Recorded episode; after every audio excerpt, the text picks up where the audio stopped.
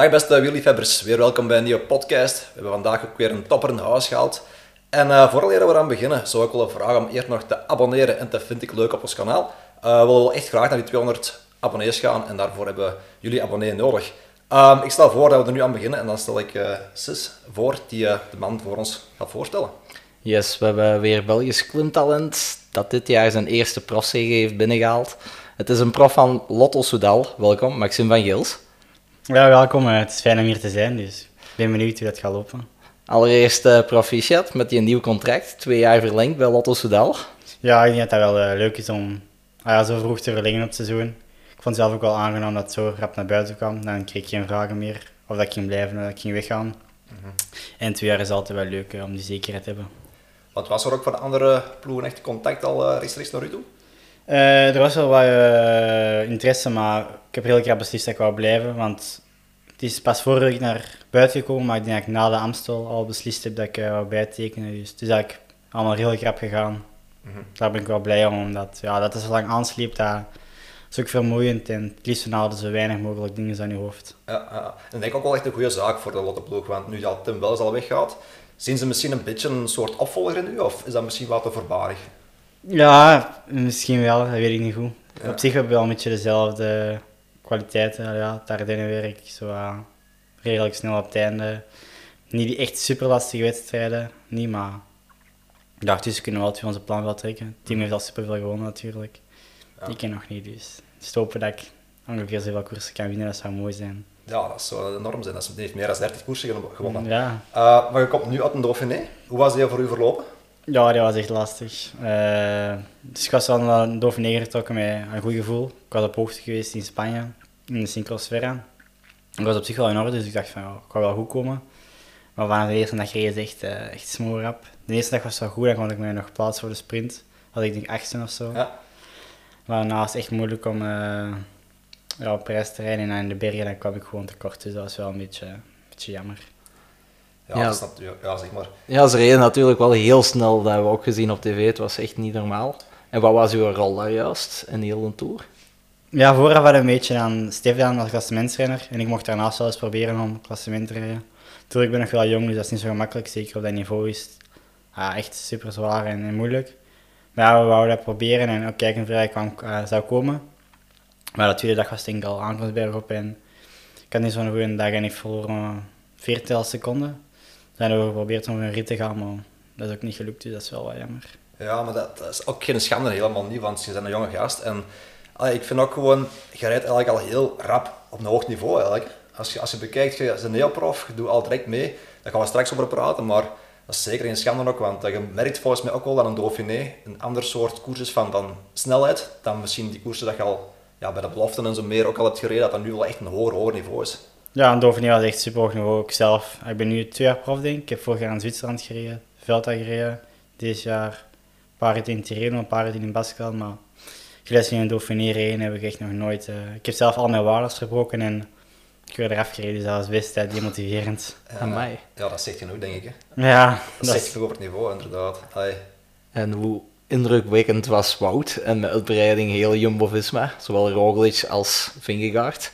Ja, Jumbo lachte er wel een beetje mee. Hè. Die, die waren wel echt, echt tering goed, dus dat was wel echt lastig. Ik denk de laatste dag wou ik in de vorige lucht proberen zitten. Dan sprong ik op de eerste klim weg. En uh, ik kwam zo net niet bij de, bij de kopgroep. En ik keek achterom en Wout in zijn groene trui, handjes op zijn stuur. En dacht ik, oh, fuck. En dat was echt volledig de nek af. Na tien minuten en die reed dan nog een hele dag op kop door. Dus dat was straf. Uh -huh.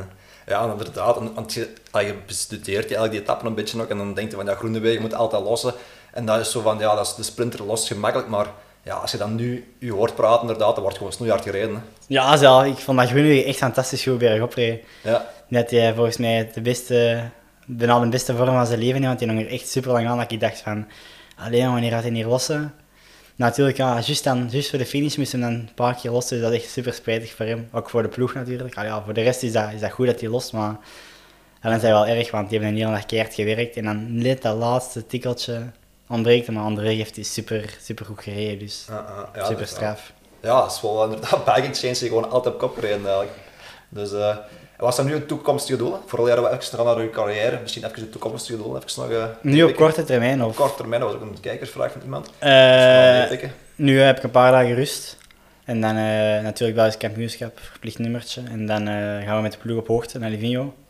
En dan ga ik naar de TRW, Tour van Wallonië. Die heb ik vorig jaar ook gereden. Dat was wel mijn eerste succes bij de profs. Dus dat was leuk om terug te gaan. En dan ook terug naar San Sebastian. Dat was ook vorig jaar goed. Mhm. Dus ik ben wel blij dat ik terug naar San Sebastian kan. ja. Ja. Vorig jaar was ik daar twaalfde. Daar gaan we nou terugkomen. Als je, want dat is echt inderdaad... Je, hebt- dat, ik vraag me ook wel een beetje af van... van ja, wat ga, wat ga, je kunt eigenlijk zoveel aan. Dus je kunt eigenlijk perfect meer hebben, bijvoorbeeld in de Palwaze Belgium Tour dat nu bezig is. Uh, maar je kiest er wel voor, of kies hem niet, de ploeg beslist dat mee voor u, voor echt een zware programma te rijden. Ook veel meer pro-tourwedstrijden eigenlijk. Ja, dat is een beetje, ik vind het ook zelf een beetje lastig, soms, dat ik zoveel aan kan. Ik kan volgens mij zelf misschien, al ja, heel stom gezegd, maar misschien wil ik zelf ooit een Ronde van Vlaanderen rijden, omdat dat misschien ook nog wel ligt. Dat wringen, dat posities zoeken, korte klimmetjes. Maar evengoed dan het hooggebergte dat ik wel echt tof vind, maar dat komt momenteel gewoon nog te kort qua moteur. En dan op laatste snelle aankomsten een beetje zoeken met een kleinere groep, die vind ik ook tof. Dus het is echt moeilijk om te kijken waar ik goed in ben. En dat heb ik deze jaar wel echt, vooral echt ontdekt, waar ik echt tof vind en waar ik goed in ben. En daardoor dat ik soms ook wel een beetje gemist heb van andere dingen. Ja, want je kunt de korte klimpjes, zoals dat je zegt, je heel goed in, maar je bent dan ook wel echt nog snel aan de aankomst. Dus je kunt het in de toekomst ook wel meer en meer gaan afmaken, denk ik dan. Ja, ik heb eigenlijk echt veel mee om koers te winnen. Ik vind dat zelf van mijn eigen dat ik een koers moet winnen, maar ik kan niet koersen winnen, dus dat is soms wel een beetje lastig. Omdat ik dan weet in een vlucht zou mee zijn en met een man of tien aan de finish, dan ben ik normaal altijd wel een van de rapste, want ik ben ja, nog vrij rap aan de finish, zeker aan een lastige koers. Maar ik moet in die vlucht geraken en dat is echt een probleem. Ik ben altijd goed op het einde, maar in het begin van de koers dan... Ik heb zo'n uurtje, twee uurtjes nodig om erin te komen. En dan ben ik zo op gang, maar ja, ze zijn altijd al weg voor die twee uur, dus dat is wel Dat je eigenlijk lastig. van tevoren gewoon al twee uur gaan, eh, gaan trainen, rollen gewoon, vooral het koers is. Ja, ze hebben dat al vaker gezegd, maar zelfs zo een half uur op de rollen of zo, dat haalt echt niet uit. eh. dan nog heb ik echt moeite met erin te komen. Oké. Dat was dan ook nog een kijkersvraag van Tom de Bakker. Zet een eh, sprinter of zet een klimmer? Wat Eh, verkies je zelf? Ja, klimmer. Ja, echt, die massasprint, daar heb ik niet de vermogens voor om eh, daar eens mee te mengen. Maar toch in Dauphiné achtst in de eerste rit. Ja, ja, ja, ja, ja, ja. En dan vond ik zelf dat er meer in zat, maar dat is meer zo, ja, ik noem dat surfen zo. In de finale kan ik zo altijd de juiste, de juiste flow vinden, op de een of andere manier, en dan moet een paar seconden de explosiviteit eruit persen. En Ja, want dat merk ik ook wel terug, want we hebben natuurlijk een beetje opzoekingswerk gedaan. Bij de jeugd ook, hè, dat is ook altijd vaak gewoon meesprinten, meedoen. Dat is zo wel je stijl om ook altijd, als je kunt, doe er gewoon mee. Hè. Ja, ik vind dat gewoon echt, het klinkt stom, maar ik vind het echt super leuk. Zo, laatste 10 kilometer, dan verandert er zoiets in mijn hoofd en dan hou ik echt van, dat, van die spanning en van dat, ja, dat, dat zoeken. Ik vind dat gewoon tof en ja, de ploeg geeft me ook die kansen om dat, eh, dat te ontdekken, want zoals in Dauphiné was ook dan, denk dat er 11 kilometer voor de finish werd er in het oortje gezegd van, mag je zien mijn snelle benen vandaag of niet? En dan zeg ik, ja, ja, ze zijn daar. en dan eh, heeft Harry mij naar voren gebracht en dan, ja, meegesprint, maar dat was eigenlijk helemaal niet het plan om te sprinten. Ja, dat, moet ook wel, dat moet geapprecieerd worden ook binnen de ploeg, denk ik niet. Dat Ja, dat mee is, dat is makkelijk. Hè. Eh, Dat ik erbij is, dan kan ik dan altijd nog wel de prijs rijden. Aan de top 10 in Dauphiné is volgens mij nog altijd mooi. Dus eh, Zeker en vast. ik ben ook wel trots op dat ik een achtste plaats in Dauphiné heb. Natuurlijk, een achtste plaats in een bergetappe zou, zou mooier geweest zijn, vind ik zelf. Maar in deze sprint vond ik dat ook wel tof. Nee, je kunt echt wel tevreden zijn over een Dauphiné. Ook al is het inderdaad bergop nog niet bij de, bij de beste mee, maar dat is echt eh, helemaal geen schande zelf. Eh, maar misschien dat we de carrière kunnen overlopen een beetje, hè, van hoe dat allemaal is begonnen. Uh, Yes. Je iets van... eh, Ja, op welke leeftijd begint echt het wielerverhaal, zal ik maar zeggen? Ik denk eh 17. Mijn 17 is zo, ja, mijn 17 jaar is begonnen, want bij de jeugd was ik eh, niet zo goed. eh. En dat was dan bij Holboker? Of- Ja, ja, bij de WAK, bij de WAK. Yes. Ja, eigenlijk een beetje door eh, de Kevin de Weert dat het allemaal wat begonnen is. Ik denk zonder de Kevin dat ik misschien het wel geen prof had geweest. En hoe komt dat, de Kevin de Weert? Is dat, had hij u beïnvloed of gezien ergens? De Bond die doe je, die zo in mijn tijd zo klim, eh wat noemt dat? Dat projectje daar. Ja, klimproject, in Dardenne. In Dardenne, En, ja, ik was daar als eerste jaar junior, mocht, was ik uitgenodigd. Dan moesten ze zo inschrijven bij een mail en papa had dat gedaan. Dus ik mocht gaan naar daar. En echt, die waren de hele dag aan het koersen, dat was eigenlijk echt niet tof. Eh, iedereen was zijn eigen echt bewijzen en ik had zoiets van, ja, we zijn hier eigenlijk gewoon aan het fietsen in Dardenne. En dan uh, plaats was er een koersje. Ja, ik had echt al slechte testen gedaan, dat was eigenlijk echt niet zo goed. En dan eh, was er een koersje op zo'n berg en mijn ketting viel eraf. En ik kwaad, ik dacht, godverdomme, ik kutfiets. En Kevin kwam met een auto, die zei die ketting hierop. En ik zei, ja, die stomme fiets, eh, die werkte niet en dat, aan zat ik wel van voor geweest. En dan uh, Kevin had dan aan het touw en jaar junior, ik wou daar niet meer in, dus ik zeg tegen papa, nee, je schrijft me niet meer in. ik vond dat echt niet tof, we gaan dat niet meer doen. En toen belde Kevin mij van, ja, wilde niet meer naar de Vogezen op, op klimstage gaan? Ik zou even denken van, ja, zou dat, zou dat weer zo zijn of zou dat wel tof zijn? En dat was wel tof, dus ik ging daar mee. En uh, daar hadden we een klimtest op Petit Ballon, denk ik, ja. En uh, ik kreeg dat toen ik, de beste tijd ooit van de juniors. Dus dan ineens dat zo, oh, die kan bergop rijden. Ja. En eerst dacht de, de Erwin de Koning, denk ik, de, de trainer, die dacht ik nog een binnenweg had gepakt. Maar dat gaat helemaal niet, want ja, dat is gewoon bergop. Dat is wel dus, goed, uh, Ik zou overtuigen van nee, ik heb het ja, niet gepakt. dat was wel, uh, sindsdien is ze wat begonnen. En dan een dag later allee, ook weer zo wat bergop rijden en zo.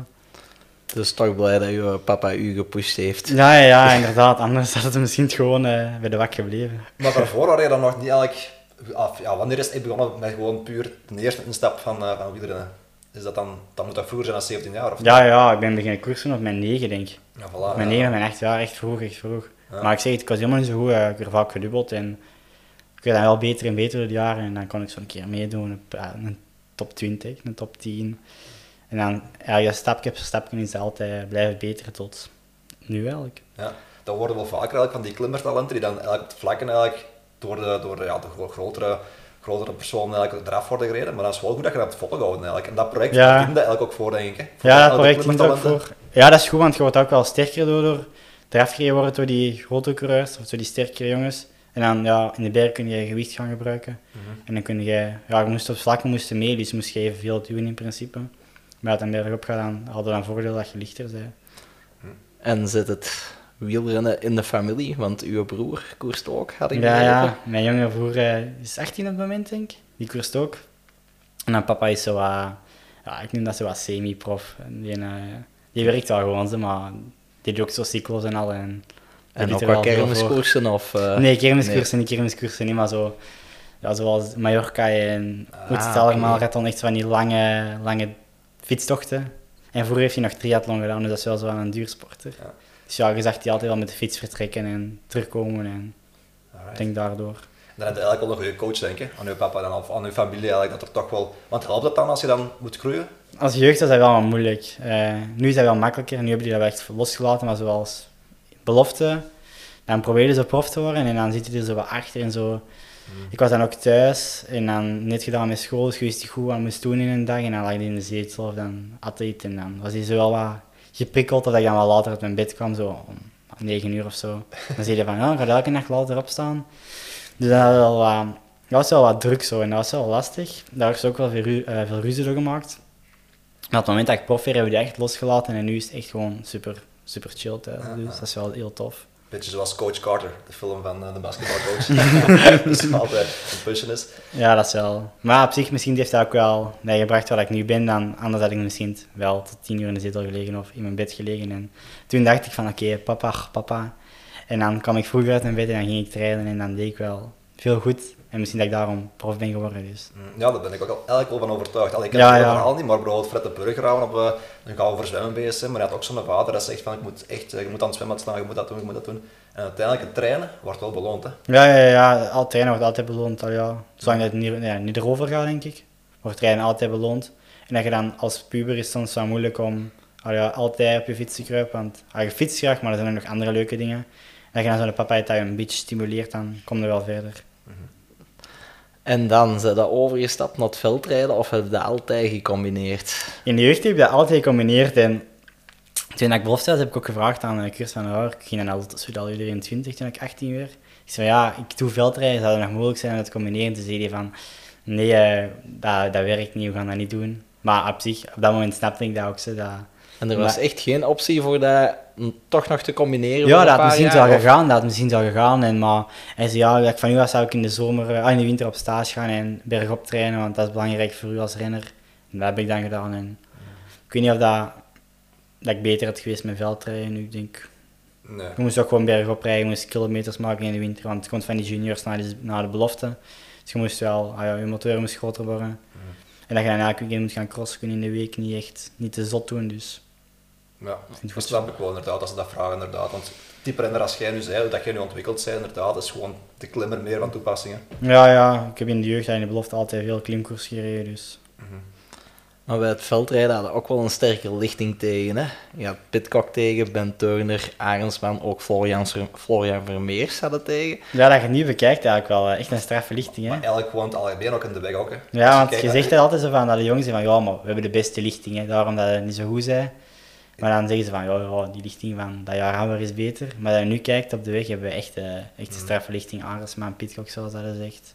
Maar ook gewoon van de weg uit Evenepoel. Ah, eh, je hebt ook nog van Wilder. Van Wilder. Je Ja. hebt, eh, je hebt er van Nabeel heb je ook. Je hebt uh, Vervloesem. Je hebt, je hebt Verschaven. Je hebt allemaal die profrenners. Allemaal een soort van Ja, dat is allemaal. dat jaar. Ja, die, die Of twee jaren, hè, 2000. zo Ja. 98, 99, 2000. Die hebben dan tegen elkaar gekoerst. Dat is wel echt eh, een sterke lichting. En is dat dan niet frustrerend? Want zo- zo'n man zoals Pitcock, die zijn toch wel heel sterk, vooral op de cross.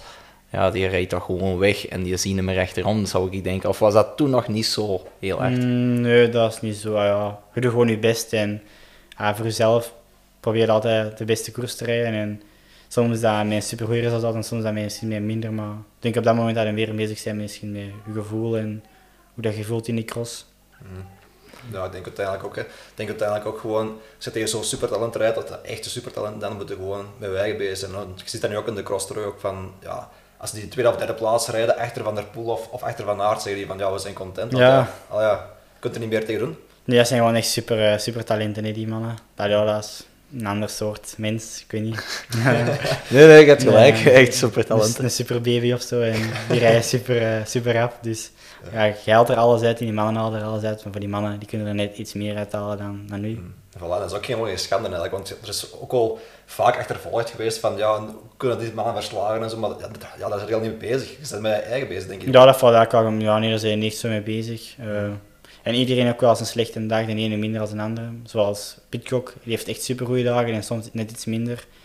En dat is wel ook nog wel leuk om te zien dat zo'n supergroot talent ook soms eens minder kan zijn. Ja, dat zien we nu weer terug in de Ronde van Zwitserland. Had hij de eerste rit ook weer gewoon laten gaan. De Ronde van Zwitserland, ik had ook begrepen dat jij die graag had gereden. Want vorig jaar had hij die gere- gereden en dat was toch wel meegevallen. Ja, ik had die vorig jaar gereden, maar die was echt wel redelijk goed. Allee, ja, ik was niet zo tevreden, maar was op zich wel goed, zeker op het einde. En dat was ook een hele mooie ronde, zo. Goede hotels, eh, mooie omgeving, eigenlijk redelijk chill. eh, niet zoveel druk of pers in, ja, ja, gewoon een ontspannen ronde. En deze jaar was het dan Dauphiné, omdat dan ja, met de Franse koers was dat beter te combineren. Oké. Maar op zich, ik heb geen spijt van mijn Dauphiné, ja. dat was ook mooi.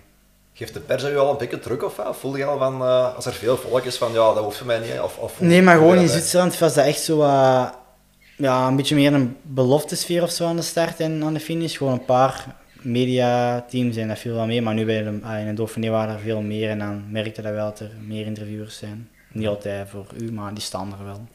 Oké, oké. Dan gaan we terug naar 2016, naar eh, het WAC van Holbroken. Daar had je bijna je eerste overwinning in Luxemburg binnengehaald, maar je gaat daar in de laatste ronde in de nadags, als ik me goed... Ja, dat is echt eh, dat is wel een beetje een drama. En hoe is dat juist verlopen? Nee, dat gewoon, ja. eh, dus dat was, ik was in Luxemburg. En ik was week, denk ik, de voorlaatste ronde of zo. Ja, ik reed dan lek, dus ik moest naar wisselen, dus dan kwam de rest terug. En dan naar die laatste bocht, en ik dacht wel dat ik ging winnen. Maar je, dan zo, ja, je bent jong, hebt nog niet echt die ervaring. Nu zou ik veel kalmer blijven en veel cooler, maar toen, ja, hadden zo wat... Ja, ik was al bijna aan het denken wat eh, van ging maken, zou ik zeggen. Dus ja, ik pak die bocht en lag een natte plek en ik scheer onderuit. Ja, het duurde lang om te vertrekken, dus ik werd aan het tweede, denk ik. En papa was echt woest. Er zijn nog zo foto's van het podium dat ik daar zo sta met een boos gezicht en dan ons papa daar even zo eh, armen over elkaar en dan moesten we nog helemaal naar huis rijden. Dus dat was niet, eh, dat was niet nice. Ja, dat snap ik. Dat zijn ook van die verhalen dat je enkel maar aan de cross hoort. Ja, dat is echt zo typisch. Omdat Zo, het, Gelijk rijden inderdaad, en dan gewoon nog de laatste bocht. ja, zo familiair, zo, dus die ouders zijn erbij, Ja. je mama is erbij en dan staat dat zo van... En dan voelde je echt zo ja, een snulletje, omdat het dan zo, ja, je kon winnen, je ging makkelijk winnen, je ging het doen en dan, omdat je gewoon te zenuwachtig was, ging het het ander. Dus Dat gebeurt ook meer en meer, ah, meer en meer. Het gebeurt constant in, in de koers eigenlijk ook. Hè. Van Aert die dan denkt dat hem, uh, dat hem juist wint met zijn handen omhoog steekt, Peter Ja, alweer. Ah, het, het gebeurt gewoon constant. Dat, hij- Ja, je bent volgens mij altijd zo ge- bezig met je stress en alles er rond. En er zijn zoveel factoren die mee bezig zijn. En dan denk je ja, en dan... Dat is kut. Ja, ik vind het wel stressvol als BTL, eh die wordt dan tweede, maar die denkt dat hem eerste is. Ja, en die, dat- die zei dan na de koers dat hij het niet had gehoord in de radio, maar zoiets wordt toch gezegd, Ja, denk zeker ik. in de laatste drie kilometer had ik altijd oortje in om te weten welke rondpunten eh, langs links of langs rechts moet pakken of zo'n dingen. Ik zei dat je dat niet, zo'n dingen niet kunt horen. Oké, ja. Ja, want er is wel vaak ruis, dacht ik, op, op, op het toortje, maar ik weet het niet uit aan dat geval. Boah, is. op zich, Of die zijn dat nog wel redelijk deftig. Hangt ervan af, ik denk dat die wel heel goede radio's hebben. Je kunt nog wel veel horen, ze. Je moet wel wel aandachtig zijn, maar je hoort daar wel veel. Misschien dat er net iemand anders aan het praten was, dan heb je dat niet gehoord, maar... Ik vraag me eigenlijk af, hè, maar dat is maar een, echt een rare vraag misschien, maar dat je eigenlijk de ploegleider dat hij individueel met iemand kan praten via een oortje. Bestaat dat? Of is dat nee, je spreekt altijd naar de groep. Ah, hij speelt altijd Ja, je spreekt altijd naar de groep. Maar je kunt wel wat zeggen, voor het, ja, Max dan. Die kan wel zeggen, hey Max, dat hij dan naar mij spreekt. Hmm, Ja, dat is toch ook wel handig, denk ik, om zo af en toe eens individueel met iemand te spreken. Ja, maar dat gebeurt wel, zo. Ja, Dus ja, voor het, dat er iemand in een vroege vlucht zit uit aan een auto achter en dan praat die ploegleider erachter is echt wel met die renner en dan praat hij niet meer met ons. weet dat hoor je wel. altijd wel dan. Ja, we horen dat wel, dat is wel aan de tand, maar... Ja. Ik vind dat wel ook wel volgen, dat is ook wel tof. Weet, Stefan Lewig dat hij goed reed bergop, dan kwam mijn oortje niet de berg op om te luisteren van hoe lang dat hij nog moet. Weet. Zei dan, ja, nog anderhalve kilometer, dan dacht ik, oh ja, misschien het goede prijs. En dan kun je ook horen hoeveel staat die woord op hoeveel minuten. Dus ze dat zo wat met meenam, zijn nummervaring in de bus. En op dat moment we zijn aan het fietsen en dan is het wel tof dat je zo wat afleiding hebt. Ja, snap ik wel. Want je had inderdaad ook wel zo wat, de, de, speelse achtergrond had ik gelezen ergens zo van. Ik weet niet wie dat juist zei, maar dat je zo wat in het begin zo wat van je, van je jeugd, ja, van je, van je profjaren misschien, het eerste jaar dat je zo een, een speelse, een speelvogel waard. Klopt dat? Of is dat? Ja, ja, ze zeggen dat altijd, maar Dat moet er van hebben van zo'n naam, hè. want- ja, dat is dan hè. Ik zal het zeggen, ik zal het knippen eigenlijk. kut, kut, kut. nee, ik weet niet, ik denk dat Kurt mij die naam gegeven heeft. Denk. Kurt dat, van de Wouwer, die mij een speelse jongen heeft genoemd of zo. En sindsdien, eh nou, op zich ergens. Misschien is dat wel een. Ah, ik ben wel professioneel, zo dat niet, maar wel zo in de bus gaan we zo wel van een lacher, een lacherig shirtje en zo aan tafel zo wat grapjes maken. Ik denk dat ook wel belangrijk is, zeker na de koers. Dus. ik denk zo dat dat een voordeel kan zijn soms. Dat je de stress van je kunt afschudden. Ik denk à la Philippe, als je die bezig ziet, Ja. als een speelvogel tot en met. Ja, in de koers zo op minder belangrijk momenten. Natuurlijk, in belangrijke momenten ben je wel gefocust, zoals na een sprint of na een berg ben je gefocust. Maar weet dat je gewoon een berg op aan het bent, allemaal met peloton en het gaat niet super rap, dan vind ik dat ook wel leuk om zo naast iemand te gaan rijden en te babbelen. En soms ah, je dat door van, die wil niet babbelen. Maar soms op een makkelijk moment, soms rijden wij misschien maar 90 watt of zo en dan kunnen we wel makkelijk babbelen of eens een grapje maken. En er zijn wel wat coureurs je dan mee kunt lachen. Ja. Bijvoorbeeld ja, Frederik ook af en toe. Ik heb nog niet zoveel met vrije koers, maar... Ah, nog niet veel van Frederik. Nee, Oké, meer ja, op, maar- op training geweest en ik heb er wel veel mee getraind op stage. Maar met Ferré kunnen we wel, eh, kunnen we wel lachen. Hè. Ja, ja, dat was dan ook een kijkersvraag van iemand die dan zegt van, is dat niet te veel van, eh, van het goede soms, maar dat je met die kunt lachen zo dan de Frederik, dat er zo iemand Nee, nee, kan doen of zo. nee, zeker zo in de bus of zo. Dan staat hij recht, is een super grote man. En dan staat hij dat zo nef en dan maakt hij zo, zoiets stom en dan hij de bus plat en dat is wel, dat is wel tof. Ja. Zeker zo'n na de koers moet de sfeer niet altijd gespannen zijn en dat je dan goed gereden hebt, is dat wel tof dat je zo wat kunt grappen met elkaar. En ik denk dat dat een band met elkaar wel versterkt en dan ga je in de koers ook wel veel meer doen voor elkaar. Dan gaan we terug naar 2017. Daar is misschien wel uw grote doorbraak. Uw eerste ritoverwinning, denk ik, in La Classique de Alp. Waar dat je de tweede op twee minuten rijdt. En bijvoorbeeld Van Wilder rijdt daar op drie minuten. Hoe kijkt je daar nu tegenover? Dat is toch wel echt heel speciaal, denk ik. Ja, ja 2017 is sowieso wel het belangrijkste koersjaar geweest is voor mij. Ik denk dat er geen enkel jaar tot nu toe belangrijker is geweest dan dat jaar. Er waren ook maar een paar koers waar ik echt goed was. En dan, ja, dat heb je wel een beetje het gemaakt. En Klassiek de Alps dan onder andere. Dat is ook wel een grappig verhaal, want op die klimstage zijn met een bond, ik was eigenlijk niet geselecteerd voor Klassiek de Alps. Maar iemand was gevallen en die brak zijn sleutelbeen.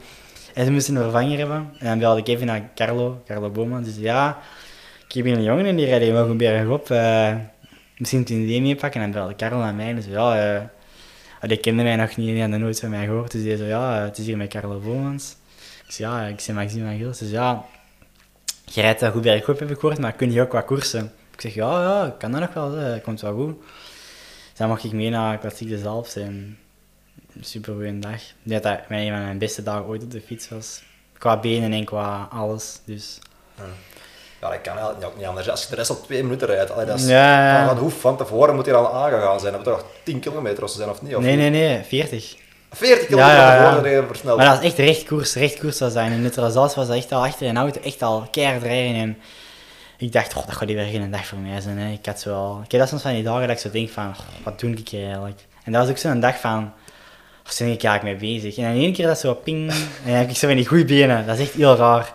En eh, dan, eh, ik had ineens een goede benen en er was een vlucht weg van een man of 15 met Van Wilder, eh Toon van den Bos was mee, en nog een paar. En eh, ik zeg tegen Maarten Vrij, die was ook mee. En ik zeg, ja Maarten, ik moet daar rennen, hè. ik ga winnen vandaag. En deze zo, jongen, maar gezien dat is 7 minuten, dat gaat niet. Ik zeg, jawel, jawel, jawel, ze biedt. Dus ik kom de volgende klimmen aan en ik spring daar naartoe. En dan moesten dus even vlak rijden en dan kwam aan op echt een lange berg. Die was echt, denk ik, bijna 15 kilometer. Dat is de eerste keer dat hij bij de juniors zo'n lange berg deed. En ik kwam daar aan en eh, ik nam de kop in. Een goede ritme en ik reed weg. En dan was bergaf keihard aan het regenen en ik had goede banden en ook van de cross denk ik. En achter mij waren er ook veel gevallen. En ja, dan was het nog vlak en alleen naar de finish reed. Ik vond dat ook wel straf dat ik zo'n grote voorsprong had. Hoe mag je zeggen, vanaf 40 kilometer aan het einde alleen weg. Ja, ik denk dat het 40 kilometer was. Het was 50, echt, hè. het was Dat is toch wel heel snel. 15 bergop, ja, 10 naar beneden ik. Dan was het nog, nog even in een vallei. En dan een klein klimmetje op nog. En dat is ook zo'n dag dat ik echt niet moe was. Dat ik goede dagen heb, dan ben ik aan de finish niet moe. Dan voel ik dat niet. Maar ik heb dat niet zo heel veel, hè. Maar dat ik echt een goede dag heb, dan kan ik zo blijven rijden en dan word ik niet moe. Dat was zo'n dag. Dat is wel vreemd, want ik heb, moet nu eigenlijk terugdenken aan een artikel dat ik gelezen over Edward Boassenhagen, maar dat gaat dan over 15 jaar geleden, toen- toen hij nog belofte was. Die zei ook zo'n artikel van, ik word niet moe, soms. Dus, als je dat leest van, ik word niet moe, dan Ja. denk je toch in je eigen van, hoe kan dat zelf, dat je ja, gewoon niet moe wordt? goede dagen dan. Elke lichaam deeltje in je lichaam hoort zit zeker. Ja. Nee, nee, dan kun je blijven fietsen. Ja, ja, tegenwoordig die ultramarathons, dus ze doen het allemaal 300 kilometer of langer, dus het kan wel, hè, dus gewoon zo Ja. rijden. Ik ook straf dat ik dat toen kon. Dat is wel niet plezant voor een tegenstand. Hè. Als je dat eh, twee minuten of drie minuten achter bent en je ziet daar goed de winnaar gewoon en die is niet moe. Ja, ja, ik weet nog dat er iemand was gevallen en die kwam dan aan en dat was de eerste keer dat ik won ook. En dan dacht ik altijd dat de winden dan heel euforisch zijn al, maar dat viel eigenlijk wel mee. Die was dan gevallen, dus ik ging daar naartoe om die wat te troosten en al. En dan moest ik naar het podium. Dat was eigenlijk niet zo, niet zo zot eigenlijk, niet zo speciaal. Je had altijd genoeg om na te denken van, hoe ga ik dat vieren? Ik, Ja, ja. Een Ik was ik ook nog verkeerd gereden. De eerste bocht was naar rechts en ik reed rechter en zei ze, oh, terugdraaien. En dan moest ik nog een bochtje om en dan moest ik terugdraaien en dan... Dus eigenlijk had hij die man op vier minuten kunnen rijden. Nou, dat zeg ik nu ook niet, maar... Allee, ja. Dat was wel een schone dag. Dat is wel een straf verhaal. Want eigenlijk in dat jaar ook, oké, dat, dat is dan een superjaar eigenlijk, maar dan mogen we ook naar het WK gaan. En daar gaat het eigenlijk wel een beetje mis voor de Belgen. Hè? Want je Ja, komt daar met helemaal Evenepoel, je mis, ja. komt daar met Van Wilder aan de start, en ook met u, dat dat echt wel supertalenten waren bergop. Ja, dan de beste renner van de Belgen was volgens mij 27e. Ja, dat is echt, echt slecht. Hè. Alles is er misgegaan. Eh valpartijen. Ah, Op een of andere manier, eh, ik viel redelijk vroeg in de wedstrijd samen met Thibaut Ponsaert. Ja, nu is hij nog bij de belofte, maar toen was hij echt een super grote coureur. Die was ook ten kopman voor dat WK. Volgens mij had hij zelf kunnen winnen. Die was echt super goed bij de, bij de juniors. ja, ja. En wij vallen met twee en dan nog eens vallen. En dan, denk dat ik twee keer gevallen ben en drie platte banden heb gehad. En dan Remco ook, ik twee keer gevallen op platte banden. Dat was echt gewoon een dag dat alles in het honderd liep en dat was wel wat, wat zonde. Want toen weer achteraf denk ik de, de minst talentvolle generatie genoemd en zo. Is dat zo? Ja, ja, dat echt, sport dat stond dat. Dat wij de, de minste generatie in jaren waren. En dat was dan met Evenepoel van Wilder. Ik was daarbij, eh, Xandres. Dus ja, dat is echt ja, een beetje... Tegenoverstellen eigenlijk. Ja, nu is dat dan wow, wow, wow. Maar toen denk dat zelfs Roger de Caro was dat zei van deze minste generatie dat we ooit gezien hebben. Ja, want het waarschijnlijk gebaseerd op dat WK. Hè. Misschien dan puur een gezien en dan Ja. waarschijnlijk eh, de wedstrijd of zo hebben bekeken. Maar ja, dat, dat zijn wel echt eh, dingen dat je niet op één, ja, op één wedstrijd kunt, kunt formuleren, vind ik. Maar ah ja, het is wel straf dat je, dat je dat zegt zelf. Want ja, Het is straf ook dat iedereen tegenslag heeft die een dag. Ja, normaal ja, normaal hadden we toch wel ene dat... Alleen Laurent Kassaert volgens mij, die had volgens mij geen Ja, pech gehad. En die was dan eerste 27ste. Ja. En de rest allemaal, ja. Ja, want de Remco heeft zelfs niet gefinished. Nee, nee, Thibaut had ook niet gefinished. Die zijn beeld was volledig open. Want ik weet nog, s'avonds zaten zaten we zo allemaal op één kamer zo de Facebook-reacties te lezen. Oh. Ja, dat was de eerste keer dat je zo in nieuws kwam en die reacties waren echt, echt rampzalig. Iedereen had echt haat vonden dat was wel zo. eh, En dan iedereen lag open en geschaafd en een hoop miserie. we waren dan ook wel hoge verwachtingen geschapt of wat, voor dat WK? Of, of Ja, niet? zelf hadden we wel denk ik hoge verwachtingen. Remco vloog toen al en ja, ik- zoals gezegd, Thibaut was goed en Ilan was echt al goed. Dus Ja. ik denk dat we wel echt kans maakten.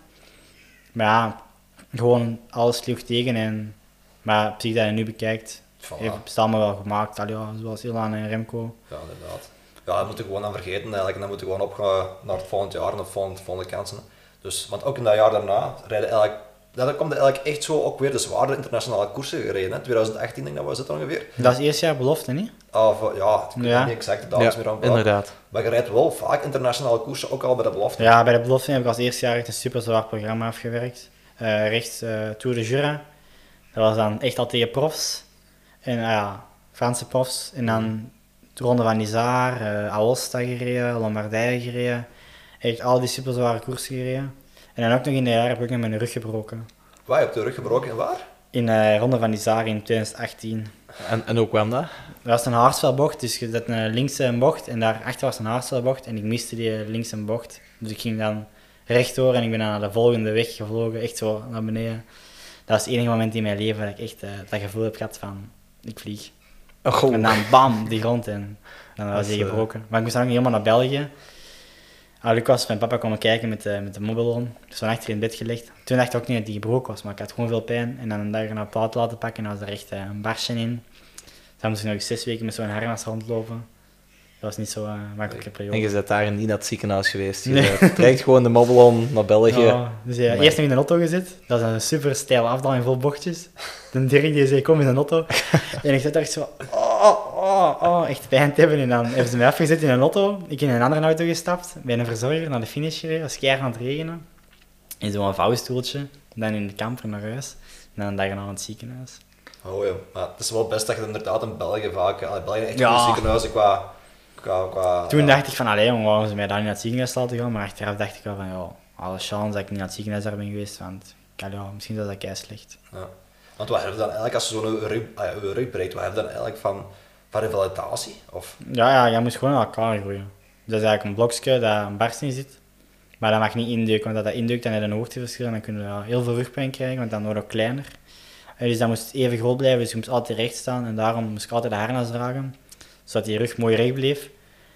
En dan moest dat gewoon aan elkaar groeien, moest daar terug een soort van ja, binding tussen komen en moest dat terug schoonlijkjes worden. En dan werd dat terug een blokje. Dan moesten we na acht weken of zes weken terug pauze laten pakken. En dan was dat nog altijd wel broos, maar dan zagen ze wel dat dat blokje terug recht was en dat dat geen hoogteverschil had. eh, Geen hoogteverschil had. Daar waren we wel blij om. En nu is dat nog altijd wel wat stijf er rond. Zodat ik lang bergop rijd, stijft dat op rond die een wervel. Maar voor de rest heb ik daar eigenlijk geen last van.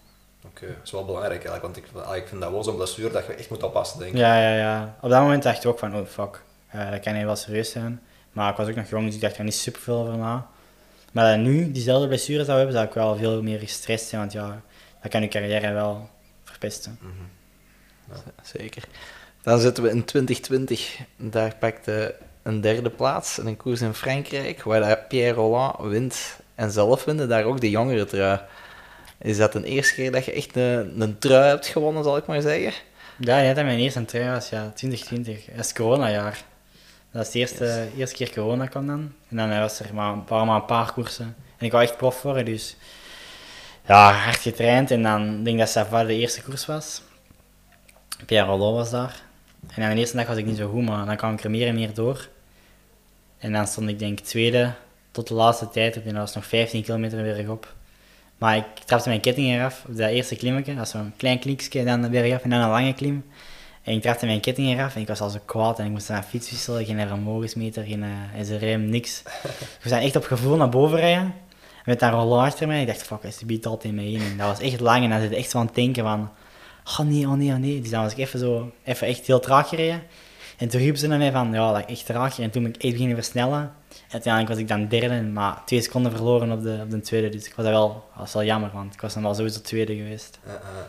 Ja, dat is wel jammer inderdaad. Maar inderdaad, ook zo, dat straf dat je dan eigenlijk tegen profs al rijdt. Hè. Want Ja, maar- Eigenlijk zijn dat tegen profs aan het rijden. Ik reed al vanaf eerst jaar een belofte tegen profs. Mhm. Dat is echt terecht dat ik belofte ben geworden, ben ik eigenlijk tegen uh, profs beginnen rijden.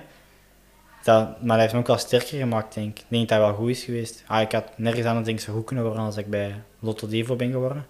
Omdat ik recht die grote koersen tegen die grote coureurs, ah, tegen profs dan, lange afstanden, dat heeft me wel eens beter gemaakt en sterker. Ja, ik denk dat je daar nu al de vruchten van plukt. Ja, ja, ja. ja. Dus dat, dat snap ik wel. Je zag dat ook gewoon zo tegen generatiegenoten van, bij de juniors. Dat je die dan een jaar later tegenkwam bij de belofte. Wauw, was ik wel beter geworden. Toen waren we misschien een beetje op dezelfde lijn, maar dan was ik beter geworden. En dat was ook wel dat ik gewoon... Reden misschien beter uitzagen in de koersen, maar ik moest dan echt tegen dat hoog niveau boksen en dat heeft me wel sterker gemaakt. Want dat, dat jaar zien we ook veel Belgen belofte terug. Monique van de Nabela, die vervloessen denk ik ook. Terwijl dat van Wilder en Remco toen al prof waren geworden, dacht ik. Ja, van, ja, van Wilder was ook al... Ik heb, ja, van Wilder is één jaar belofte geweest, hè? Ja, in 19. Ja, in 19 Ja. was hij belofte en is hij prof geworden. Ja, toen waren die al, toen waren die al prof. En Remco nog vroeger. Ja, die zijn echt super vroeg prof geworden. Hoe zie je daar zelf tegenover? Ik had dat niet kunnen, gelijk dat Remco gedaan heeft. Totaal niet. Ilan was ook al super vroeg. Dat had ik, eh, ik heb echt wel mijn drie jaar nodig gehad. En dat ik zelf vorig jaar dacht ik van, hmm, misschien dat ik beter nog een vierde jaar op belofte ja, geweest. Want ja, het is echt moeilijk bij de profs en bij de belofte is bergop echt leuk. Dan kun je echt amuseren en kun je je mannetje staan, dus dan voel je goed. Maar ja, bij, de, bij de profs rijden ze gewoon zo rap en dan is iedereen is goed bergop. Dan dacht ik wel van, hmm, misschien toch een jaar te vroeg. Maar toch goed gereden. En aan deze jaar pluk ik dan weer de vruchten, omdat ik vorig jaar al prof was. Dus ik denk dat het allemaal wel de eerste stapjes waren. Ja, dat denk ik ook wel. En ik vind het straf dat je zegt dat het misschien een jaar te vroeg was. Want als je kijkt naar 2021, een jaar, dat was echt gewoon goed. Ja, was niet slecht. Ah, ja. Ja, ik, verwacht, ik, wacht- ah, ik verwacht altijd redelijk veel van mezelf. Maar inderdaad, voor een eerste jaar pro- ah, prof was eigenlijk goed. Maar het probleem is gewoon dat je tegenwoordig zoveel superjonge talenten hebt dat super sterk rijden. Dat mensen een beetje vergeten van, maar die is ook nog jong of als jonge coureur is het moeilijk.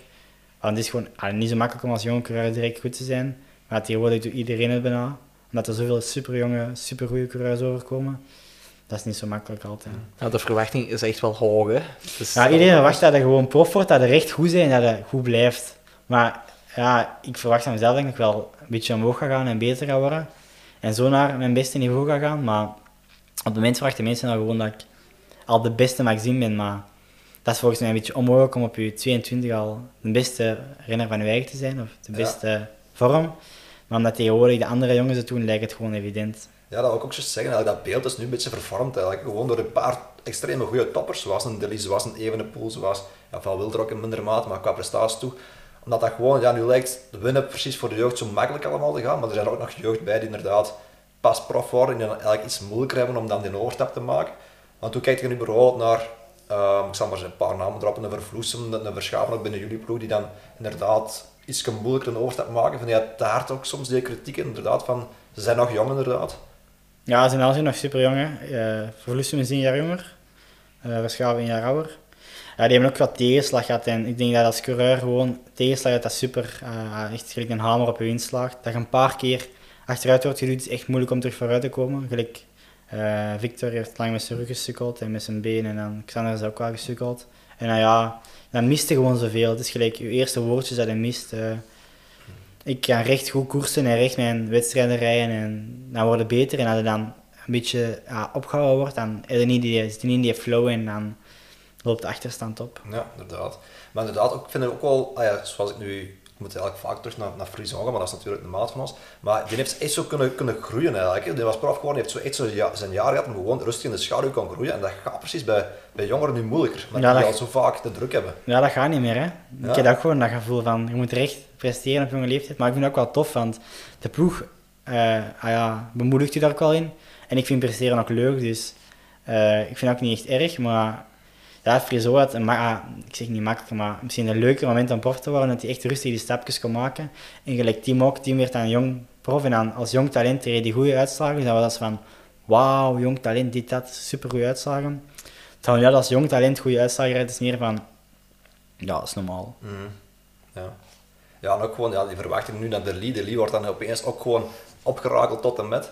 Van hoe zie jij zelf naar, naar als collega ploegmaat, naar de? Ja, dat is fantastisch hè, wat hij doet. eh. maar natuurlijk, het is een beetje raar om te zeggen, maar je verwacht het ergens wel van hem. Eh, hij is ook super getalenteerd. En in de koers dat hij doet, dan is hij ook wel echt bij de betere. En dat is echt koers dat hem liggen. Niet ah ja, de super lastigste, maar ook wel lastig genoeg om echt op het einde nog de explosiviteit eruit te halen.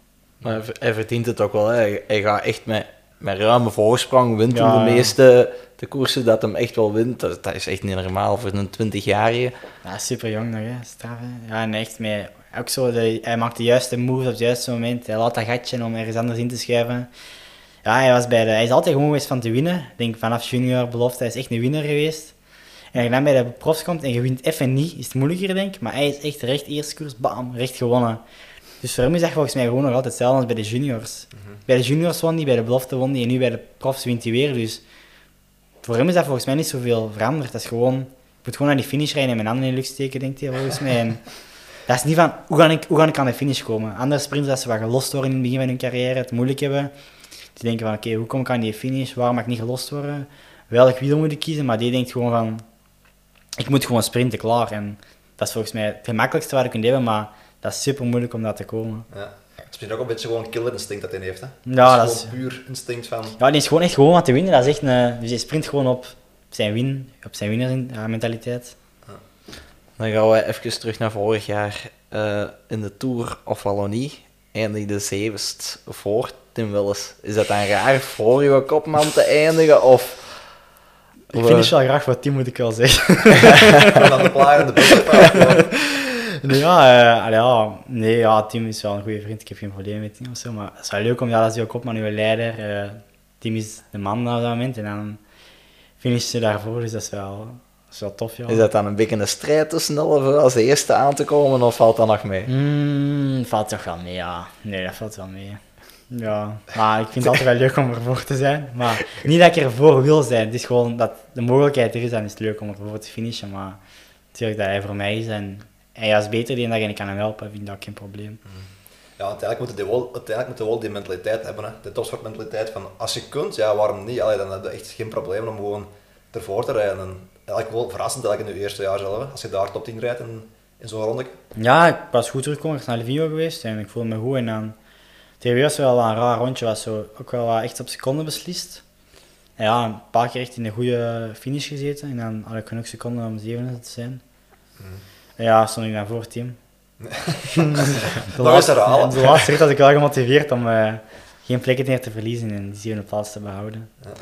En dan eh, gaan we naar San Sebastian. Daar is een van uw betere dagen op de fiets, neem ik aan. Ja, dat was echt eigenlijk naar rot. Als je, Oei. Ja, dat was heel dag aan het regenen vanaf de start en ik haat regen. Ik vind dat echt niet tof. Ja, ik vond dat echt niet tof. En dat was ook super rap. En ik heb echt drie keer langs de kant van de weg staan, zo met mijn pedaal uitgeklikt, dat ik zei van, oh, ik stop ermee. Dat gaat hem hier niet worden vandaag. En dan zei de ploegleider, allee, kom aan, Maxime, doe verder. En dan, ja, de Velta-selectie moest nog gemaakt worden. Dus ze zei van, ja, hè, denk aan de Velta-selectie. Ik dacht, oh, ja, ja, ja. En dan rijden we zo, ja. Op een gegeven moment aan een berg toen was ze wat finale en ik moest ook plassen. En je kon niet gaan plassen, want het was gewoon te snel. En ik was echt zo van, "Pff, wat is dat hier, godverdomme. Dat is niet tof. En dan rijden we die berg op en ik dacht van, ja, ik voel me eigenlijk wel goed. Ik kwam boven met een man of dertig en ik had geen drinken, dus ik roep mijn woordje van, ja, is er nog iemand met drinken, want ik moet een bidon hebben. En er waren geen ploegmaten meer in het peloton. En dan had ik altijd toch wel iets van, oh, nee, ik ben de enige van de ploeg in het peloton. Dan rijden we naar Vonenberg en ik zat daarachter, achterin van Jumbo. En ik dacht, hij was wel aan het passen. En ik dacht van, wat doet hij nu? En ik wou echt het moment dat ik ging zeggen van, oh, oh. En dan zei ik van, oh, dat is, dat is Vingegaard. En die was dan juist tweede geworden in een tour. En dan dacht ik van, maar jongen, wat ben ik hier aan het doen? En dan even mij gekeken en dat was dan Mollema. En die was dan juist Olympische Spelen geweest. Dan dacht ik, oké, dat kan hier wel eens mooi worden. En dan moesten zo naar beneden, naar de laatste klim. Ja, moest ik wel positioneren en ik had er wel wat moeite mee. Normaal heb ik nooit echt, kan ik me altijd ertussen smijten en heb ik zo geen, denk niet aan namen. Zijn dat gewoon coureurs voor mij. En iedereen heeft zijn licentie gekocht, dus dat is gewoon iedereen hetzelfde. Maar ik zat dan Yates en Bernal, eh, al die namen, en dacht van oei, oei, een beetje naar achter.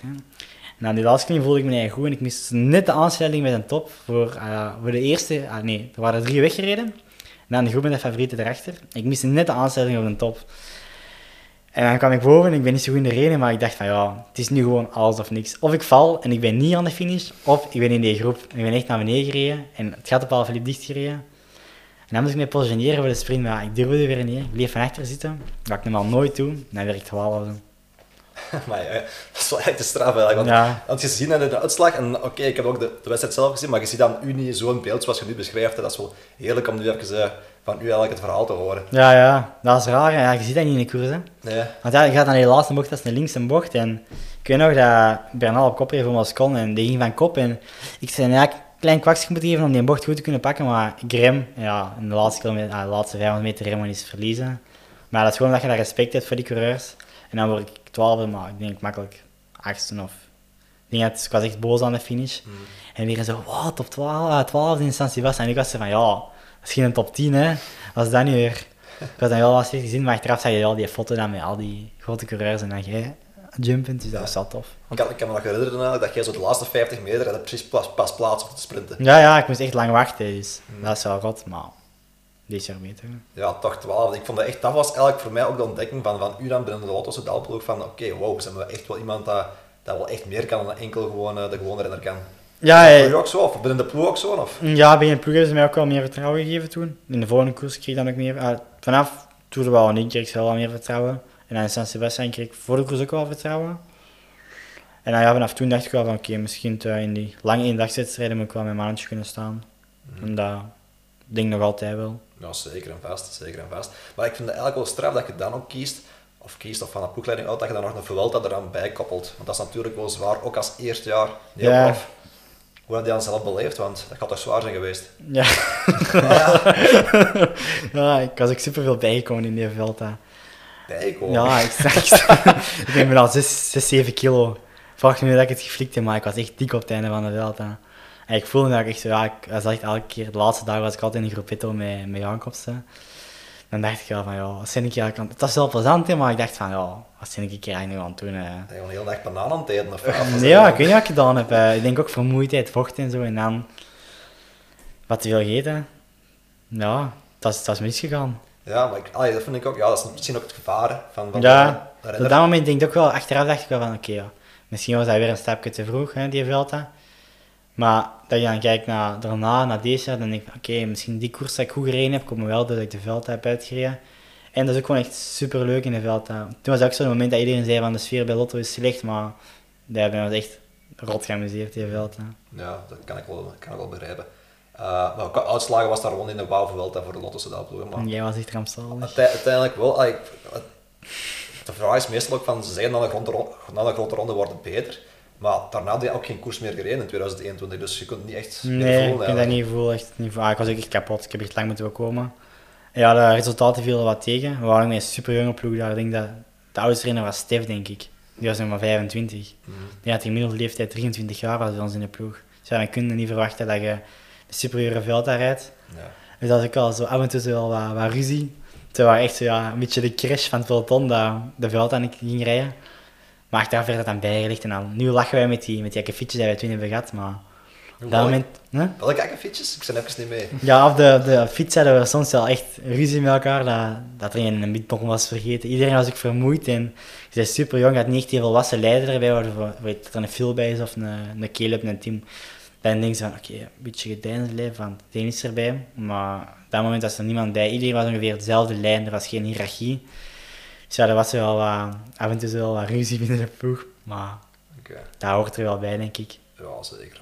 Op zich, ja, het zal altijd wel in de bus gewoon een beetje zijn uh, afgekoeld. hè. Ja, voor de ploegleiding was dat denk ik ook wel een zware ronde, want die moesten ons wat in bedwang houden. Maar zo zien dat we toch wel een beetje binnen de lijnen blijven lopen, bleven lopen. Maar uiteindelijk is het wel allemaal goed gekomen en komen we allemaal nog super goed overeen, of zelfs beter dan voor de Velta. Maar tijdens de Velta, ja, was er soms zelfs ruzie. Maar is, is dat dan geen fout van de ploegleiding? Of van John Lange, of wie dat beslist voor daar toch geen oude renner bij te zetten? We hadden de Free bij, hè? Ja, dat was De Free was de papa van de ploeg, hè? Die was Ja, leider, maar ja, die werd dan ziek. Maar die had- die was De weg. eerste dag was muziek naar tegen een zonneslag toen? Ja, we dachten dat dat een zonneslag was, maar dat was een, een bacterie in deze buik. En Iedereen heeft dat gehad, want ik heb ook de eerste week van de Velta heb ik ook echt veel diarree gehad en echt veel buikklachten. Ik had echt de, de slechtste start van de Velta dat je maar kunt denken voor een eerste grote ronde. Oei. Maar ik ben er dan wel wat doorgekomen, maar dat draaide natuurlijk wel meer richting het einde. Ja, ja, zo was dat. En dan ook, het einde van 2021, hebben we dan eigenlijk nog een, eh, een groepscaféavond. Zo. Was daar eigenlijk eh, een plezante avond? Is daar echt een band gesmeed, zoals ze zeggen? Ja, misschien wel, ja. Ja, dat was wel tof, ja. Dat was Waar was dat? Dat was hier in de Café de Welkom, denk. Café de, Café de Welkom, ja. Eerst gaan karten, maar iedereen was echt al vrij zat met karten. en dan, eh, dan, ja, dan naar de Welkom. En daarna was zo restaurant en dan zo wat spelletjes spelen. Iedereen zei wel, wat- ja, was wel... Overdag moesten ze zo testen doen bij windtunnel testen en al. En iedereen lag echt zo, aan zo, zo uit de kateren en dan moesten die een test gaan, dus dat was wel wat kut, maar... Ah, ja, dat was ook wel lachen, want nu denkt ze van... En nu lachte dat ze mee, dan komt elkaar tegen en weet je, ah, weet je nog toen, hè? En dan is er echt zo'n gesprek om over te beginnen. Dan er echt weer om te vertellen tegen elkaar en dat is wel tof. Ik vraag me dan wel echt af van, als iedereen zo, doet iedereen dan eigenlijk mee, als ze ook eh, met punten drinken is of zo, doet dan iedereen echt mee? Of is dat dan toch een paar mensen die gewoon even zeggen van, nee, van mij geen alcohol en... Ja, ja, er zijn nu wel een paar dagen alcohol drinken, dus Ja. dat doen niet echt mee. ah, ah. Alright. Yes. Dan gaan we naar het begin van 2022. Voordat we naar uw grote overwinning gaan. Was er op het begin van het jaar een beetje zorgen van de ploegleiding uit, of van de ploegmaat, over de punten? Over de UC-punten? Of toch niet, waren je daar toch niet zwart mee bezig? Ja, ik denk binnen de ploeg wel een beetje, maar ja, ik zelf niet. We hadden nog een heel jaar en ja, ik was ook eigenlijk contract, dus ik was niet echt aan het denken van punten, punten, punten. Nee, dat was geen thema of zo, niet, niet speciaal belangrijk. Ik denk dat in de media veel meer een thema was dan eh, ah ja, op, op trainingskamp of zo hebben we er echt bijna weinig, ah, bijna niet over gesproken of heel weinig. Maar dat was meer zo in de media dat dat een beetje uitvergroot werd en dan zo. En is dat nu wel meer een thema of zo? Of, of van sprint toch maar mee voor die punten, of is dat niet echt? Maar een beetje misschien, maar niet echt extreem. eh. soms wel, maar Misschien dat ik echt eh, moest meesprinten voor een paar puntjes, want alleen de eerste drie hebben punten volgens mij Ja, de dat, was dat niet. Dus Maar het, het- soms valt mij gewoon precies op dat zo, eh, nu was eh vorige week ergens een koers, er waren twee mensen van Lotte weg.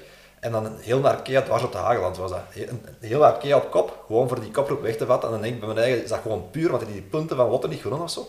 Maar Arkea heeft echt al gigantisch veel punten Ja, Arkea is veilig, want al- je hebt is de sterke- stand Maar niet ik denk op het einde van het jaar het eigenlijk wel, want hoe weet, eh, het is nu dus, eh wacht, wie is het laatst? Eh, het is ja, totaal denk ik dat echt Uno X natuurlijk is ook nog laatst. En van Wilterploegen IF.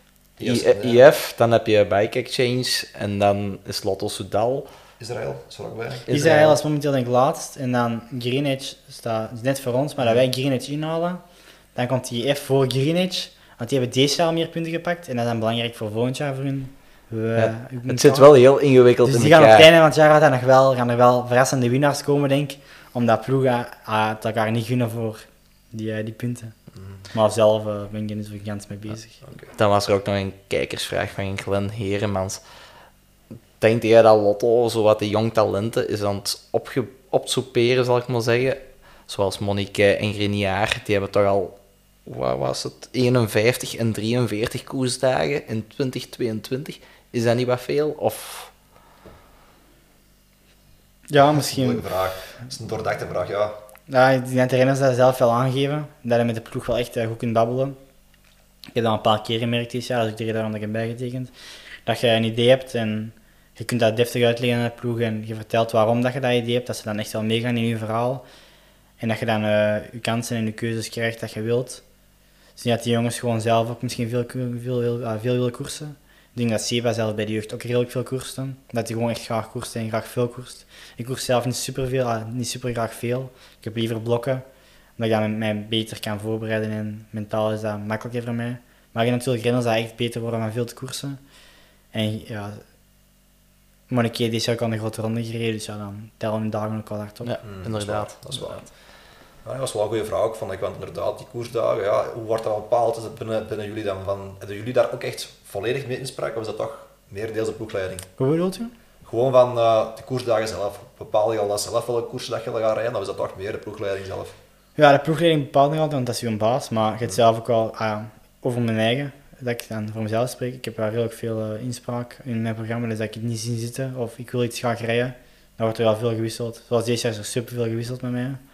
Het programma dat in iemand jaar was opgesteld is echt volledig door elkaar geschud door ja, omstandigheden en mindere periodes. Dat is wel niet fijn voor de koersliefhebber, hè? want dan moeten ze zo'n tourmanager maken en dan wisselt hij nog van programma. Oh, Ja, ja, ja. ja. ja. Want ja, aan het twaalfde voorjaar ging ik hem al rijden.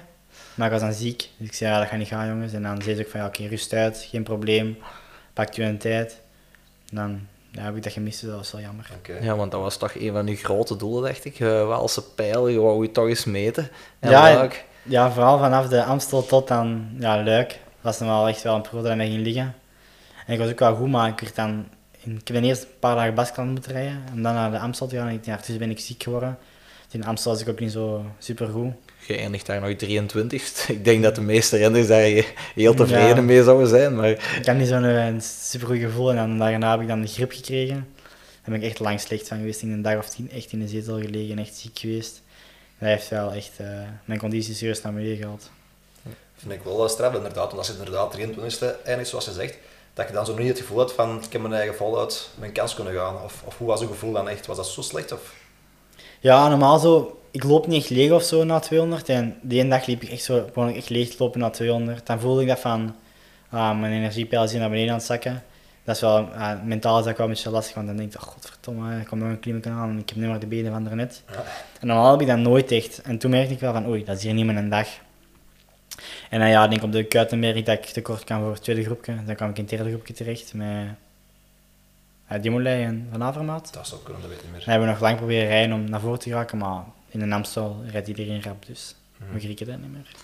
Dan gaan we terug naar het begin van het jaar. Ik denk dat daar de start van het jaar voor u goed is ingezet. En vooral voor Lotto, want ik herinner me ook nog eens Sporza hoofdpunt met uw foto van de Saudi Tour. Dat was dan ook nog een kijkersvraag van Dries Schelp. Vertel uw verhaal eens over alle ritten en over uw gele trui daar. Ja, het is een beetje begonnen in eh, januari, denk ik, met Caleb dan. Dat we gingen samen naar Saudi gaan, in klassement, hij wilde de sprints. En dan, we elkaar nog niet zo goed, dus dan begonnen we zo wat te babbelen met elkaar. En dan zie je van, ja, eh, dat je goed bent in Saudi, dan krijg je dit en dat. eh, dat je top 3, nee, eerst was het top 5 in het klassement, dan krijg je dit. En dan je van, ja, top 3 in het klassement, eh, dan krijg je dit. Dus ik dacht zo, oké, ja, ik moet een goed klassement proberen rijden. En dan kwamen we daaraan, en ik kwamen we daaraan, dat was echt zo'n soort van bungalowpark waar we sliepen. Super nieuw. Maar we hadden geen fietsen. We hebben ik drie dagen zonder fiets gezeten. Die zaten bij de douane vast. Ze waren ons echt aan het vervelen. Tot een dag voor de koers dan hebben we wat, gefietst. En dan eh, de eerste rit was dan een sprintetappe. Ja, de eerste keer met Caleb koersen en dan kon ze een beetje helpen. Ja, hij wint dan direct. Dus dat was echt boom, hè, sfeer omhoog, super tof, dit en dat. En dan daarna... eh wat was het daarna? Daarna was de tweede etappe en je valt daar op begin. Daarna was een aankomst bergop en ze zei dat de Poggio was. Dus wel lopend. En oké, ça va. En dat was heel tijd in die woestijn rijden. Dat was wel een beetje saai. En op een gegeven moment ben ik zo'n beetje aan het wegdromen. Ik was ergens echt aan iets anders aan het denken. En ja, ik reed op zo'n eh, een kattenoog, zo op de weg, zo voor Ah, niet, in, de, ja. in de woestijn te rijden. En ik rijd daarop met mijn wielslag om, met die 50 per uur of zo. En ik maak echt een lelijke slag. Ik, echt, ik lag helemaal open. Ik heb nog best veel littekens zelf ervan. Dat is echt een, een zware val. En dan moest ik naar de, naar de dokter in de koers en die deed daar zo'n verband rond, maar echt, echt heel slecht. Dat hij echt hier, ik was echt, was echt kwaad. Hè. Ik dacht, wat een kutdag. En ja, ik heb dat finale gepakt om zo erop te komen, een beetje suikers, eh, dit, dat.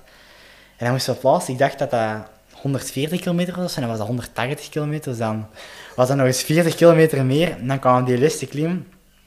En ik zie zo, en ik denk zo, ja, dat is niet, eh, dat is niet Poggio, hè. En ik kijk zelfs naar Caleb, en Caleb ook zo van... Dat is echt super stijl. Ik denk dat dat 14% was. En dat was dan een uitloper. Maar tegen ons is dat is gelijkmatig. Dus wij dachten van, ja, fuck, dat is hier heel de tijd super stijl. Dus wij blijven zitten met tweeën. En Baggioli en eh Betrago, die rijden weg. Ja, wij denken van, ja, we rijden speed dicht of zo, of wachten. En ineens komen we boven aan het plateau. Ik heel roept op mij, rijden, rijden, rijden. Dus ik begin te rijden, te rijden, te rijden, maar we komen niet echt dichter. En dan beginnen we met twee naast elkaar te sprinten. En ik weet nog, van moment dat ik echt aan het sprinten ben, komt hij naast mij en die roept zoiets. En dan stopt hij ineens met trap. Dus ik was ook zo even in de war. Dan waren denk ik vierde en, en vijfde of zo. Dan waren we echt kwaad na de koers. En dan daarna was echt super harde zandstorm. Vanaf de start en waaiers. Dus dat was de eerste keer in waaiers, ik ze wat voelen. En was echt compleet naar de zak die een dag. En dan ik dag zandstorm had gehad, die plakkers waren afgegaan van dat zand. Dus de hele dag dat zand in mijn wonden. En dan op 10 van de meest zegt zo tegen mij. Ja, ik ga winnen vandaag, maar moet mij wel helpen. Dus ja, ik denk zo, ja, die gaat winnen, hè. Dus ik zo, oh ja, die gaat winnen. Dus ja, ik heb ze wel geholpen, maar hij was dan tweede of derde, dus dat is hem ook weer kwaad. Dan dacht ik zo, tju, hè. En dan daarna was het weer waaiers. En het ging op de kant en ik was, niet mee, ah, ik was mee, maar ze stoppen en ik denk van, ja, Thomas zegt tegen mij, ja, het is gedaan, ze gaan hem maar op de kant trekken. Dus ik ga naar achter en ik ben aan het plassen en ik kijk zo naar voren en quickstep trekken tot de kant. En ik denk zo, shit, shit, shit. Dus ik roep in mijn oortje, ja, eh, Roger en Jasper. En Roger begint echt zo te sprinten, maar echt een lead-out naar voren. Dan komt Jasper, ik wik bij Jasper in, die doet een lead-out. Dan, ik schrijf in, een Caleb zit net voor mij, een Caleb laat mij daartussen. En ik schrijf één keer mee rond en we zijn weg. En dat is ook zo'n dag dat ik zo mijn benen niet voelde, op de een of andere manier. En ik kon ook blijven rijden die dag. Was dan gewoon een steile klim. Ja, ik heb bij de jeugdveld tegen Bad Joli gereden. Dus ze dan nog zo kijken. Maar die was dan gevallen, dus op zich maakte hij niet uit voor het klassement. Maar we natuurlijk op dat moment wilde gewoon winnen. Dus ik kon hem dan afrijden. En dan boven was er nog zo'n plateau.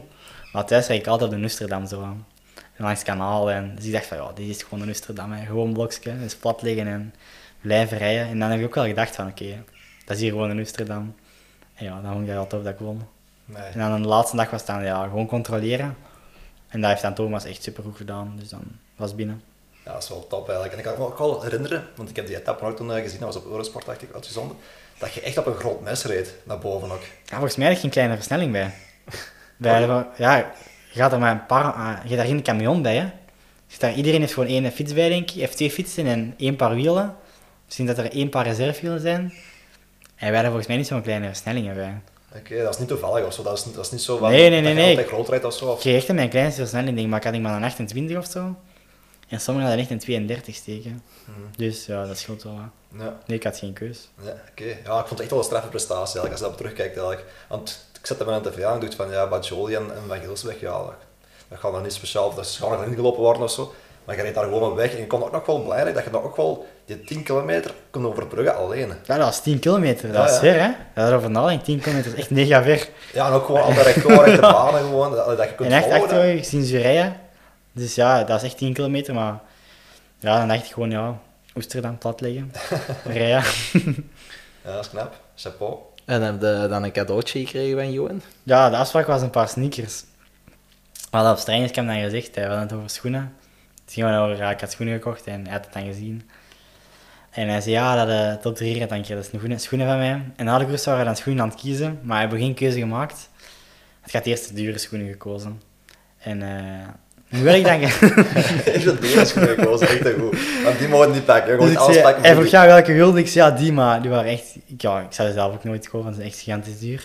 En eh, hij zei, ja, dat gaat er wel over. Die heb ik zelf nog niet eens, dus... eh, ja, ik zei van, ja, we zullen komende weken nog berichtjes sturen en dan kijken. En dan had ik gezegd welke ik wou. En dan een paar maanden later eens in Nice met hem gaan trainen. Dan zei hij van, ja, ik zal die bestellen voor u, maar ik heb hem niet meer gezien, dus ik heb het nog niet gehad. Ja, hopelijk verlengt hem zijn contract want... eh, als hij- Ja, hij heeft nog een contract, hè. Ah, ja, maar... Voilà, Dus dat ik hem dan in de winter zie. En normaal gingen we elkaar dan in een Giro zien. Dus gingen ze, de ploeg had het dan gevraagd aan hem. Gingen ze naar een Giro meepakken. Maar geen een Giro gereden. was dan ziek. En dan, nu heb ik hem nog altijd niet gezien. Misschien in een tour. Nee, nee, eh, ik, heb, eh, ik kan niet aan de tour gaan. Alright. Goed. Dan hebben we nog een paar kijkersvragen voor het af te ronden. Van Joachim Schoonakker. Zijn er nog plannen voor naar Monaco te verhuizen? De Joachim is de vaste verzorger van, van Caleb. Ah, Dus, eh, maar nee, eh, momenteel gaan we nog niet naar Monaco verhuizen. We gaan nog een beetje in West-Wiezel blijven wonen. Alright. Dan hebben we van Ruben Corneels ook nog een kijkersvraag. Wat is uw favoriet liedje voor de koers? Voor te rijden, voor te luisteren. Dat, ik heb eigenlijk niet een favoriet liedje. Niks? Ik ben ook nooit DJ in de bus. Nee, eh vorige week was Steve en Harry waren DJ. Maar ik ben zelf nooit DJ. Ik vind het wel leuk dat anderen muziek opzetten. Alright. Oké, dan gaan we afsluiten met nog één klein vraagje. Milan Kuipers. Heb je al een vriendin? Ah, nee, nee, ik ken nog altijd geen vriendin. eh. nog altijd single. Bij deze dan, eh, is op, dus... Ja, dus eh slide in DM. Ja. Kunnen we nu afsluiten inderdaad. Merci Maxim eh, om te komen. Ja, dankjewel, vijand, eh. Dat was leuk. eh tof een babbel, dus merci mannen. Ja, geen probleem, absoluut geen probleem. Want ik ben heel blij dat we zo iemand als u hier kunnen krijgen. Ik bedank ook Sis en ik bedank ook, vooral jullie luisteraars dat jullie tot hier blijven kijken. En als je tot hier bent blijven kijken, zou ik alvast zeggen om te abonneren. En dat vind ik leuk, dat appreciëren enorm. En dan zien jullie de volgende keer weer. Tot dan. Ciao.